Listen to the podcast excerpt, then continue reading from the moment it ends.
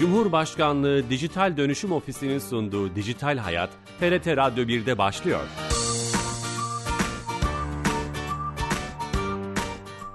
Herkese merhaba, ben Bilal Eren. Teknoloji ve dijitalleşmenin hayatlarımıza etkilerini ele aldığımız Dijital Hayat programımıza hoş geldiniz. Her cuma saat 15.30'da TRT Radyo 1 mikrofonlarından kulaklarınıza misafir olmaya devam ediyoruz.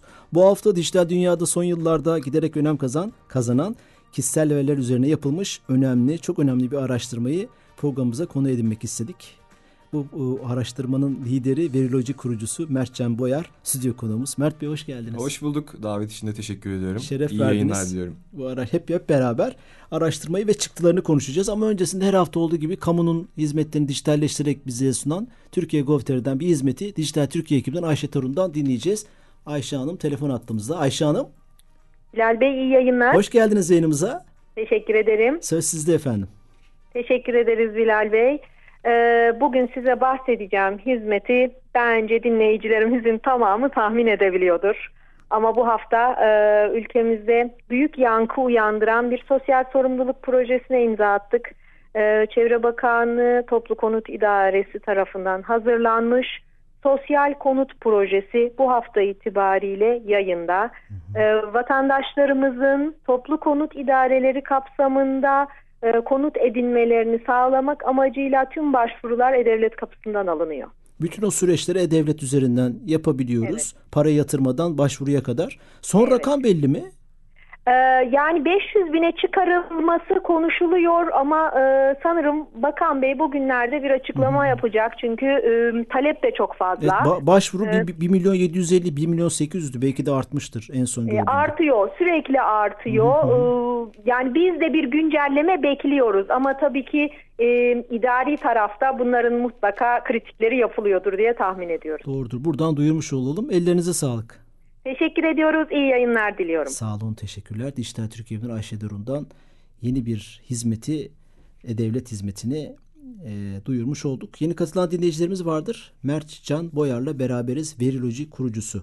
Mert Bey hoş geldiniz tekrar. Hoş Hem bulduk. vakti iyi değerlendirelim. Siz bir çalışma yaptınız. Çok kıymetli bir çalışma. Ülkemizde en çok ziyaret edilen 100 sitenin incelendiği KVKK uygunluk araştırması. Doğru mu söylüyorum? Doğrudur. Doğrudur. Bu, bu, bu, bu nedir bu araştırma? Ne, ne- amaç ve hedefler neler? Tabii ki.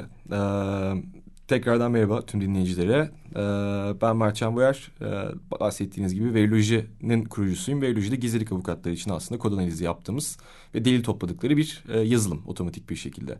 Ee, biz şunu yapmak istedik. Ee, Türk vatandaşlarının her gün girdiği siteler e, gerçekten belli riskler barındırıyorlar içlerinde. Ee, Bunların bir şeyde kavram vardır due diligence diye hukuk dünyasında yani bir durum tespit yapılır. Ee, Finansallarına bakarsınız, hukukuna bakarsınız, sözleşmelerine bakarsınız. Biz burada sitelere giriyoruz ve sitelere bir due diligence yapıyoruz. Yani ne yapıyoruz? Sunucuları nerede? Tek tek içeride e, hangi butona bastığında hangi çerez yükleniyor? Hangi üçüncü parti içeride scriptler, teknolojiler, yazılım dilleri bulunuyor?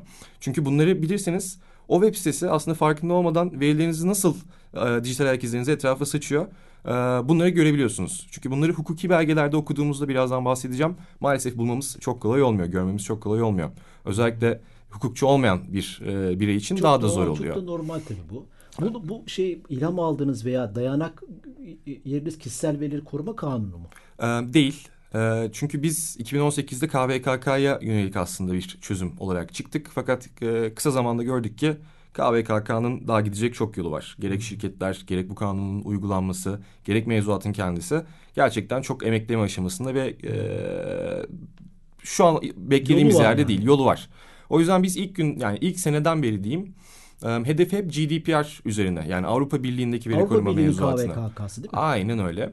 Ee, ve işte raporda da ondan bahsettik. Hani GDPR'daki bir işte e, aydınlatma metni diyeyim ve bir gizlilik politikası. Okuduğunuzda bizim bu raporda tek tek sunduğumuz tüm bilgileri orada yazmak zorundasın sana kardeşim diyor. O yüzden şirketler bunları yazıyor. İşte Google Analytics kullanıyorsa içeride, Cloudflare kullanıyorsa bunları sen hukuki metinde görebiliyorsun. Ama Türkiye'de maalesef bizim e, uygulama şu anda rehberler vesaire bize şunu gösteriyor.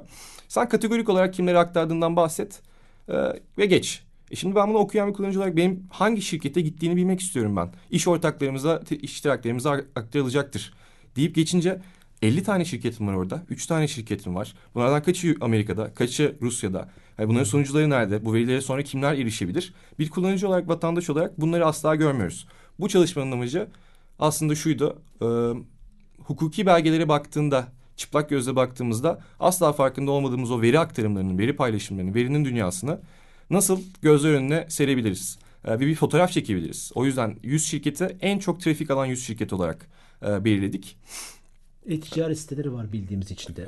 Hepsi bildiğiniz var, her site var. Var. Bildiğiniz her site var. Tahmin yani bugün, edebileceğiniz aynen, yüzüne de girmiş. Yani 50'sine minimum girmişsiniz. Siz de raporda olarak. bahsetmemişsiniz. Hani o sitelerin isimlerini zikretmemişsiniz evet, ama. Yani burada Türkiye'nin biraz e, kültürel e, yani şeyi e, maalesef kasları o e, açıklıkta o eleştiriyi yapsaydık biz hedef göstermiş olacak. Bir dahaki raporda yaparsınız. Ee, evet yani şey orada evet o aktivistlik yavaş yavaş. dozunu e, iyi ayarlamak gerekiyor. Biz bu, bunda politik olalım dedik 100 web sitesini aslında çok basit bir şekilde Google'da en çok ziyaret edilen 100 web site yazsanız bunu haberleştiren bile bir medya kanalı bulup linke tıklayıp öğrenebiliriz. Aynen Dolayısıyla öyle. Türkiye'nin en çok ziyaret edilen 100 sitesini e, e, çeşitli kriterlerde o kriterlerde şu aslında temelde hiç bilmeyenler için bu, bu web sayfaları bizim verilerimizi nasıl kullanıyor? Depoluyor mu? Birine mi veriyor? Değil mi? E, çok Aynen kabaca öyle. böyle. Bize söylediğiyle gerçekten kodlar dünyasında, verilerin dünyasında dönüp bitenler aynı mı değil mi? Aslında hmm. bunun bir fotoğrafını çektik. Hmm. Ve maalesef söyleyebiliriz ki alakaları bile yok. Bir de bir, bir, e, o daha korkunç ama işte şeyin de amacı bu zaten. Bu korkunçluğun fotoğrafını çekmek herhalde Aynen öyle. Sonra oradan iyi bir şey çıksın.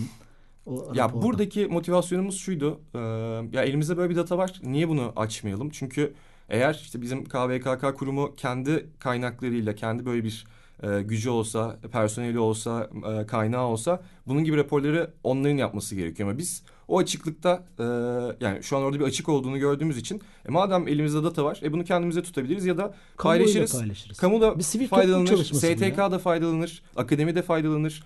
E, kurumun kendisi de, de faydalanır ve ileride işte mevzuat değişikliği, yeni rehberler vesaire Hani o gerçekçi durumu aslında bir delil olsun e, ellerinde ve ona bakıp bir karar versinler. Bu da bir motivasyonumuzdu evet, aslında. Evet çok iyi motivasyon. Sizi mutlaka arayacaklardır veya oradan ilham alıp faydalanacaklardır. Ben öyle düşünüyorum. Elinize Her sağlık. Tam bir sivil toplum çalışması yani. Teşekkür ederim. Veriloji evet. bildiğim kadarıyla bir STK değil. Değil ticari ama bir şirket aynen ama öyle. Verilojinin STK gibi çalışmışsınız. Evet ya birazcık Verilojideki amaç oydu ya. Ben Verilojide kurduğumda stajyer bir avukattım aslında yani 24 yaşında 4 yıl önce. Ee, fakat İşin içine girdikçe veoloji ile birlikte işte bu Bilgi Üniversitesi'ndeki laboratuvar direktörlüğü görevim var bir yandan. Ee, hani içine girdikçe olayların birazcık daha kişisel olarak da ben bu sorunu çözmek gibi bir şeyim vardı. Veoloji de benimle çok iç içe bir e, özdeşleşmiş bir şey olduğu için yani bir girişimi kurucusuyla çünkü ayrı, hmm. ayrı tutamazsınız. Benim içimdeki o aktivist e, söylem ve şey aslında veolojinin burada aslında bir STK değilken kendi teknolojileriyle bu STK'ların da aslında işine yarayabilecek bir veriyi ürettiği iki ayaklı bir Harika. yapı gibi düşünebilirsiniz. Harika. Şimdi bu girişten sonra ne olduğunu anladık. Biraz metodolojinizi konuşalım mı? Tabii ki. Ne, nelere baktınız bu raporu hazırlarken o yüz web sitesinin? Tabii ki. Ee, ana başlıklar şunlar da. Şimdi e, hukukçular yakından bilirler KVKK ile aşırı neşir olanlar. Türkiye'deki en büyük sorunlardan bir tanesi yurt dışı veri aktarımlarıdır. Yurt dışı veri aktarımı. Aynen öyle. Bu yüzden biz en başta e, bir buna şey çünkü Verbis diye bir şey var. E, bilenler bilir. E, oraya belli beyanlarda bulunuyorsunuz siz. İşte yurt dışına veri aktarıyor musun sen bir şirket olarak aktarmıyor musun gibi. E, bu rapor şunu da göz önüne seriyor aslında. Orada hayır göndermiyorum diyen şirketlerin çok büyük bir kısmı bu raporla e, aslında bu metodolojiler kullanılarak e, nasıl Verbis'te yanlış beyanda bulundukları da kanıtlanabilir. Oo. Hani böyle bir şey de var. Bir tabii. suç duyurusu da var bir anlamda. Ee, yok suç duyurusu niteliği değil ama suç var. duyurusu yapmak isteyen insanlara gerekli alet çantasındaki aleti veriyoruz gibi düşünebilirsiniz. Şunu diyebilir miyiz o zaman? Bu hani verilerin aktarımından şunu mu kastediyorsunuz? Bir şirket var, bir web sitesi. Sunucuları var. Yani bizim bilgilerimizi tuttuğu sunucuları var. Siparişlerimiz olur, ismimiz olur, fotoğrafımız olur. O sunucuların yeri Türkiye değil. Evet, Yurt dışı. Bunu mu kastediyorsunuz? Ve buna ek olarak e, e-postalar biliyorsunuz. E-postaların da aynen bir web sitesine nasıl barındırıyorsunuz. Onun da bir sunucusu var. Bir makinede barındırmak ee, gerekiyor. O, aynen öyle. Yani bir web sunucuları var. Web sitesini ayakta tutan şey. Bir de e, e-mail sunucuları var. Bizim e-postalarımızı ayakta tutan, e-posta gönderip alabilmemizi sağlayan sunucuların kendisi. E-postaları düşünün içeriğini. Bunlardan daha yoğun kişisel veri işlenen bir şey var mı? Bir şirket Yok. nezdinde, bir kurum nezdinde. Yok. O yüzden e-posta sunucunuz sizin eğer Amerika'daysa, İrlanda'daysa her e-posta içerisindeki kişisel veri otomatik zaten orada aktarılmış, orada barındırılıyor oluyor. Keza aynı şekilde web sunucusu yurt dışında X ülkesindeyse o web sitesine bir e, biz ziyaretçi olarak girdiğimizde o siteye paylaştığımız tüm bilgiler o ülkenin sunucusuna gidiyor ve aslında bir yurt dışı veri aktarımını tetiklemiş oluyor. KVKK'da bu çok sıkıntılı bir konu olduğu için ilk e, bunu göstermek istedik. Çünkü bu gerçekten hem şu andaki mevzuatın yetersizliği hem uygulamanın kötülüğü e, tüm bunların birikip böyle şu an bu nasıl diyeyim e, çıkmaz bir yerdeyiz. Bu çıkmazda çözülmesi gerektiğini bir kere daha vurgulayan oradaki o e, yangını aslında gene gözler önüne sermek istediğimiz. Hani açık rıza almadan yollayamazsın sen ama bak yüzde yetmiş yedisi açık rıza almadan yolluyor şu an. Ne, ne anladık biz bu kanundan o zaman? Niye çıkardık bu kanunu? Gibi bir. Bu sunu, sunucu hepsine bak yüzü de mi dışarıda? Mesela bir rakamsal. Ha, rakamsal olarak hemen o, söyleyeyim o da size çok rapordan. önemli. Yüz web sitesinin kaçı e, Şimdi sunucularını burada iki, ikiye ayırdık gene. E, E-posta sunucusu Ve web, web, ve web sunucusu. web E-posta sunucusunda yüzde e-posta sunucusu için konuşuyorum. 100 sitenin yüzde 43 yani 43 tanesi e, Amerika Birleşik Devletleri'nde tutuyor. Yüzde 26'sı Türkiye'de, yüzde 7'si Rusya'da, yüzde 6'sı İrlanda'da, yüzde 5'i Hollanda'da. Tamam, yani E-posta yazışmaların üç- üçte hepsi ikisi dışarıda. Aynen. Öyle diyebilir miyiz? Veya dörtte hatta yok hayır dörtte biri içeride dörtte üçü dışarıda. Yüzde yirmi altı dediniz yaklaşık. web sunucuları içinse Amerika Birleşik Devletleri'nde barındırılan e, internet siteleri yüzde 41 gibi bir oranda. Türkiye yüzde 37, İrlanda yüzde 5, Hollanda yüzde 4, Rusya yüzde 1.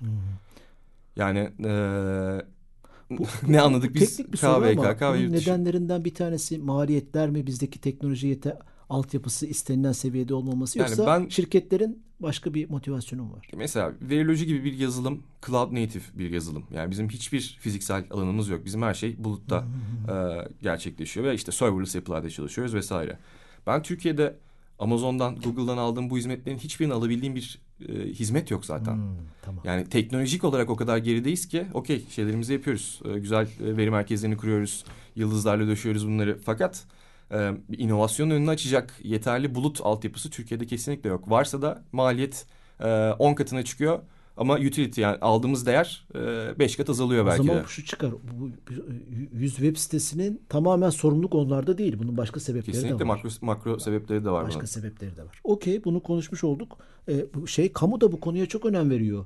İlgili kurumlar. Yani de, ülkenin Türkiye'nin verisi Türkiye'de kalacak. O yüzden önemli. Bu birinci Bu- madde çok kıymetli. Evet ya bu veri lokalizasyonu bu söylediğiniz şey. Bu ikisi bir tık ayrışan konular ama maalesef son dönemde gördüğümüz eğilim verinin ülkede kalması, ülke sınırına çıkarmaması na bir eğilim var. Fakat ben buna çok karşıyım. Evet çok e, kritik verilerde olması gereken bir şey. E, katılıyorum. Fakat siz sert bir şekilde veri lokalizasyonu uyguladığınızda gerçekten inovasyonun, büyük veri Başka erişimin çok büyük e, önünü kapatmış oluyorsunuz. O yüzden veri lokalizasyonuna Sunucu ve e, web Karşıyız. ve e-posta tarafındaki Türkiye'deki hizmetlerin arttırılması noktasındaki taraftayız aslında belki de. Onu söylemeye Ee, çalışıyorum. kesinlikle. Evet. Ya da yurt dışındakilerin kullanımını daha e, erişilebilir. Yani kanunla bunların önünü kapatmayacak bir düzenlemeyle en azından o geçiş dönemini rahatlatabiliriz. Süper. İkinci çıkan çıktı nedir? Ee, Buradan sonra kullanılan web teknolojilerini inceledik. Yani bu içerideki API'ler, JavaScript tagleri, çerezler, e, diğer takip teknolojileri, beaconlar, pikseller gibi aslında o siteye girdiğinizde e, Facebook'un, Google'ın e, sizin o siteye girdiğinizden haberdar olmasını ve sizin hangi tür siteye girdiğiniz ve sizin tür bir reklam göstermesi gerektiğini o arkadaki aslında ad network'ler yani reklam ağları dünyasının içine bir adım girdik burada. Dijital Başta ayak izlerimizi toplama teknolojileri diyebilir miyiz? Harika bir isim. Harika bir isim. Ee, burada işte e, local storage'da neler tutuluyor? Session storage yani browser'ın içinde lokalde neler tutuluyordan başlıyoruz. Dediğim gibi e, tüm isteklere kadar, network request'lere kadar tüm e, ağdaki şeyleri de takip ediyoruz. Nereye veri alıyor, nereden veri Bir çekiyor. web sitesine kullanıcı adımız ve şifremize girdiğimiz andan çıkışımıza kadar hatta girmesek bile girmesek bile. işte Aynen öyle. gibi gibi Ee, şeyleri nasıl yanından topluyor? teyit geçtiğimizde bile onlar toplamaya başlıyor gibi düşünebilirsiniz. Ne, orada ne çıktı fotoğraf? Burada yani çok şaşırtıcı bir fotoğraf çıkmadı. Ee, Google Analytics. Google Analytics'in şöyle bir sorunu var. GDPR'da 2020'den beri bir Schrems davası oldu Schrems 2. Ee, ve e, Amerika'ya veri aktarımları bir anda yasak duruma geldi GDPR'da. İki yıldır biz GDPR tarafının en büyük sorunlardan biri de bu. Ee, bu kararlar ışığında en böyle kötü çocuk muamelesi gören şey yine tahmin edersiniz ki Facebook, Google derken Google'ın Google Analytics oldu. Ve e, üç veri koruma kurumu Avrupa'da Google Analytics'e dedi ki GDPR'a aykırıdır. Çünkü sen oraya e, gönderdiğinde IP'yi anonim etsen bile e, yeterli olmuyor. İşte NSA'in bunlara erişimi var. E, Amerikan istihbarat birimleri e, Google'da gidip e, işte Faiza 706. Büyük kavga e, var orada savaş. E, aynen öyle. E, gelip alırız vesaire derken ben Avrupa Birliği vatandaşlarının oranın eline gitmesini istemiyorum deyip bu Amerika aktarımlarını şey yaptılar. O yüzden Google Analytics GDPR'da çok sıkıntılı bir konu iki yıldır. E, Türkiye bunu ilgilenmiyor ama zaten e, dediğim gibi biz o kadar daha işin başındayız ki e, ismi bile geçmiyor hiçbir bu kararda. gelinmeli ve üstüne durulmalı. Aynen öyle. Aynen. Yani bu modern takip teknolojileri üzerine çok daha kafa. Çünkü hala çerezlerle uğraşıyoruz. Çerezler bitti. Çerez dünyası bitti. Biz hala çerez rehberi çıkarmakla uğraşıyoruz yani. bu burada şu an Türkiye maalesef. o yüzden işte burada Google Analytics mesela yüzde 65 çok büyük bir oran. Yani e, aynı çekincelerin bizde de olması gerekiyor. Google Analytics kullanımının Türk vatandaşlarının verilerinin oraya gitmesini istiyor muyuz? İstemiyoruz. E, bir sürü başka şeyle uğraşırken niye bunun da önünü kapatmıyoruz da gerçekten mahremiyeti arttırabilecek bir e, duruş sergilemiyoruz. Yüzde 65 çok ciddi. Google Tag Manager yüzde 40, Google Publisher Tag e, yüzde 39, Cloudflare yüzde 27, Google Font yüzde 24. Google Font da mesela e, içerideki fontları aslında Google'ın sunduğu bir hizmet size. Ama siteye girdiğinizde siz o fontu görüntülediğiniz anda sizin IP bilginiz Google'ın API'ine gidiyor. gidiyor. Çok acayip. Ee, yani şunu anlıyorum. Var olan o incelediğiniz 100 web sitesi biraz önce ismini zikrettiğiniz teknolojileri kullanıyor. Web takip. Aa, ve çok da Yandex de var. Yani Rus teknolojileri de var. İşte Insider gibi bizim yerli teknolojilerimiz. Ee, Facebook pikseller. Ee, bunlar ciddi oranda kullanılıyor. Kullanmaması Buradan... mümkün mü? Kullanmaması tabii ki mümkün. Yani e, bir Google Analytics kullanmayacaksanız e, benim çok sevdiğim bir arkadaşımın direkt girişimi mesela Google Analytics hizmetini nasıl mahremiyete harcamadan yapabilirsin. Yani kohort analizlerle, onu, IP'yi toplamadan. Onu anladım. Tamam. Privacy friendly yani mahremiyet koruyucu analytics. Bu web, web sitelerinin temsilcilerini burada ağırdığım, ağırladığım zaman veya kamuoyunda konuşmaları dinlediğimiz zaman onlar da diyorlar ki bir vatandaş bize girdiği zaman biz onların verilerini işte dijital ayak izlerini takip ederek daha iyi hizmetler, daha iyi ürün alması, daha iyi fiyata ulaşması için kendilerine böyle bir motivasyon seçmişler. Ama bu Neyin karşılığında şey. ama? Neye karşılığında? İkinci bir tartışma. Vakti iyi değerlendirmek için üçüncü şeyimiz de ee, çerezler. çerezler. Ee, burada şimdi her kullanıcı görmüştür artık nefret ediyoruz hepimiz. İğreniyoruz o cookie çerez izin e, çıkan karşımıza internet sitelerindeki e, pop-up'ları. Onu Şimdi, oturttuk mu peki Türkiye'de sizce? E, yani araya bir soru sorayım. Oturtmadık bence ya. Yani bir şey yaptık. Bir ama yapıyor. bir şey yaptık yani yine. Sadece e, güzel bir şey yapmadık. Sadece bir şey yapmış olmak için yaptık. Yani gerçekten e, bence akademiyle çok daha çalışması gerekiyor. Ee, sahadaki profesyonellerle çok daha fazla çalışılması gerekiyor. Çünkü ya gerçek dünyayla orası o köprüyü kuramıyoruz şu anda çıkan hiçbir rehberde şeyde. Ee, bence bir orada sinerjiyi tutturmak gerekiyor ve e, farklı paydaşları bir araya getirip bunları çıkarmamız gerekiyor. Bir e, tasarımcı, bir UX designer, UI designer bunların hemen için içine girdiğini düşünmüyorum bile hiçbir şekilde. Ya da işte sen bir çocuklar için web sitesiysen nasıl yapman gerektiği konusunda o farkındalığı göremiyorum gibi gibi gibi. Yani çok daha iyileştirilebilir. Ee, biz neye baktık dersek hızlandırmak için? Ee, şimdi çerezler konusunda açık rıza alma zorunluluğumuz var. Aynen bu biraz önce bahsettiğim Google Analytics, Google Font kullanıyorsak nasıl açık rıza almamız gerekiyorsa. Gelen kişiye ee, sormamız gerekiyor. Açık aynen rızadan. verilerini kullanabilir miyiz? Kullanabilir miyiz? Ee, şimdi Burada yayınlanan güncel rehberler e, şirketleri aksiyon almayı itti. Fakat maalesef bu şirketlerin aldığı aksiyonlar da e, yeterli olmadı hiçbir şekilde. Yani birazcık aslında yaptık bunu demek için koydular ha, göstermelik. Şirketler tarafını eleştiriyoruz Aynen. sefer değil mi? Tamam. E, bunu ortaya çıkarmak istedik çünkü bunun farkındaydım ben bir süredir. E, hatta çoğu internet sitesinin çerez kullanımı konusunda yanıltıcı tasarımlar kullandığını fark ettik. E, yani insanları sitenize gelen bireylere daha fazla kişisel veri vermeye, işte daha fazla rıza vermeye iten tasarımsal belli e, şeyler. Burada bir psikolojik şeylere e, bias. Kelime oyunları. Aynen. Yani aslında burada gerçekten e, ciddi bir manipülasyon var. Mesela ben reddeti bulamıyorum. Ya kabul et ya şunu Aynen. Yeşil biri yeşil oluyor, biri kırmızı oluyor mesela. Kabul et yeşil, butonu. reddet kırmızı. En basit örneği. Hmm. E, bunun bir adım ötesinde şu da var. Mesela bizim işte verilolojiyle bir ihtiyaç olarak gördüğümüz, çözmek istediğimiz sorunlardan biri de oydu. Çerez izin kutusu var sitede. Ben hayır diyorum. Ama hayır dediğim halde arkadan JavaScript kodları bir şeyler API'leri tetiklemeye başlıyor bile. Hmm. Verilerin gidiyor. E ne anladım ben? Bu yanıltıcı tasarımın dibi artık. Bu hakikaten e, ayrı bir şey yani. Ayrı bir şey. Avukat bunu girip kendi manuel kontrol edemez. O yüzden biz işte ben bunu aslında verilojide isteme sebeplerimden biri bunu yapabilir hale gelmekte. Gerçekten gerçek bir kullanıcı gibi hayıra bassın ve arkadan yükleniyor mu yüklenmiyor mu bir şeyler. Yükleniyorsa e, bunu tespit edebilsin. Siz şimdi bunu kamuoyuyla paylaştınız ama bu bu kadar detaya girmediniz analizin raporunda. Yok, hayır. Şimdi bununla ilgili bir, bir iki şey yapacağız. E, etkinlik, online etkinlik yapmak istiyoruz. Hatta böyle o bahsettiğim gibi bir sürü paydaşı bir araya getirdiğimiz herkesin konuştuğu. Yani sadece biz konuşalım insanlar dinlesin gibi değil. Durum bu. Ne düşünüyorsunuz? Sizce ne yapılabilir? Gibi bir önümüzdeki e, haftalarda e, LinkedIn üzerinden belli etkinliklerde yapıyor olacağız. Son iki dakikamız. E, son ba- ba- başka bir Değinmediğim var, var mı? noktalar. Bir, bir tamam. Ver, veri gizliliği bağlamında güvenlik politikası demişsiniz. Veri gizliliği. Ama süremizin de sonuna geliyoruz. Yetişemeyebilir O diye zaman şöyle toparlayayım. Şöyle. Güvenlik konusunda hiçbir açığımız yok. Ee, sadece daha iyi yapabileceğimiz Harika. mahremiyet nasıl noktalar var. Hemen söyleyelim. Bu rapora nasıl Ee? Veriloji yazıp 100 KVKK internet sitesi analiz raporu derseniz ya da LinkedIn'de beni takip ederseniz rapor PDF'ine ulaşabilirsiniz. Harika. Süremizin sonuna geldik. Acayip güzel konu hızlı geçti. Ayağınıza sağlık Mertcan. Ben davet için çok teşekkür ediyorum. Teşekkür Tüm e, buradaki ekibe, e, saygıdeğer dinleyicilere. Sağ olun. Teşekkürler. Bu programımızın kaydı yarın itibaren YouTube ve podcast kanallarımızda olacak. Haftaya yeni bir konu ve konukla e, beraber olacağız. İyi hafta sonları. Hoşçakalın.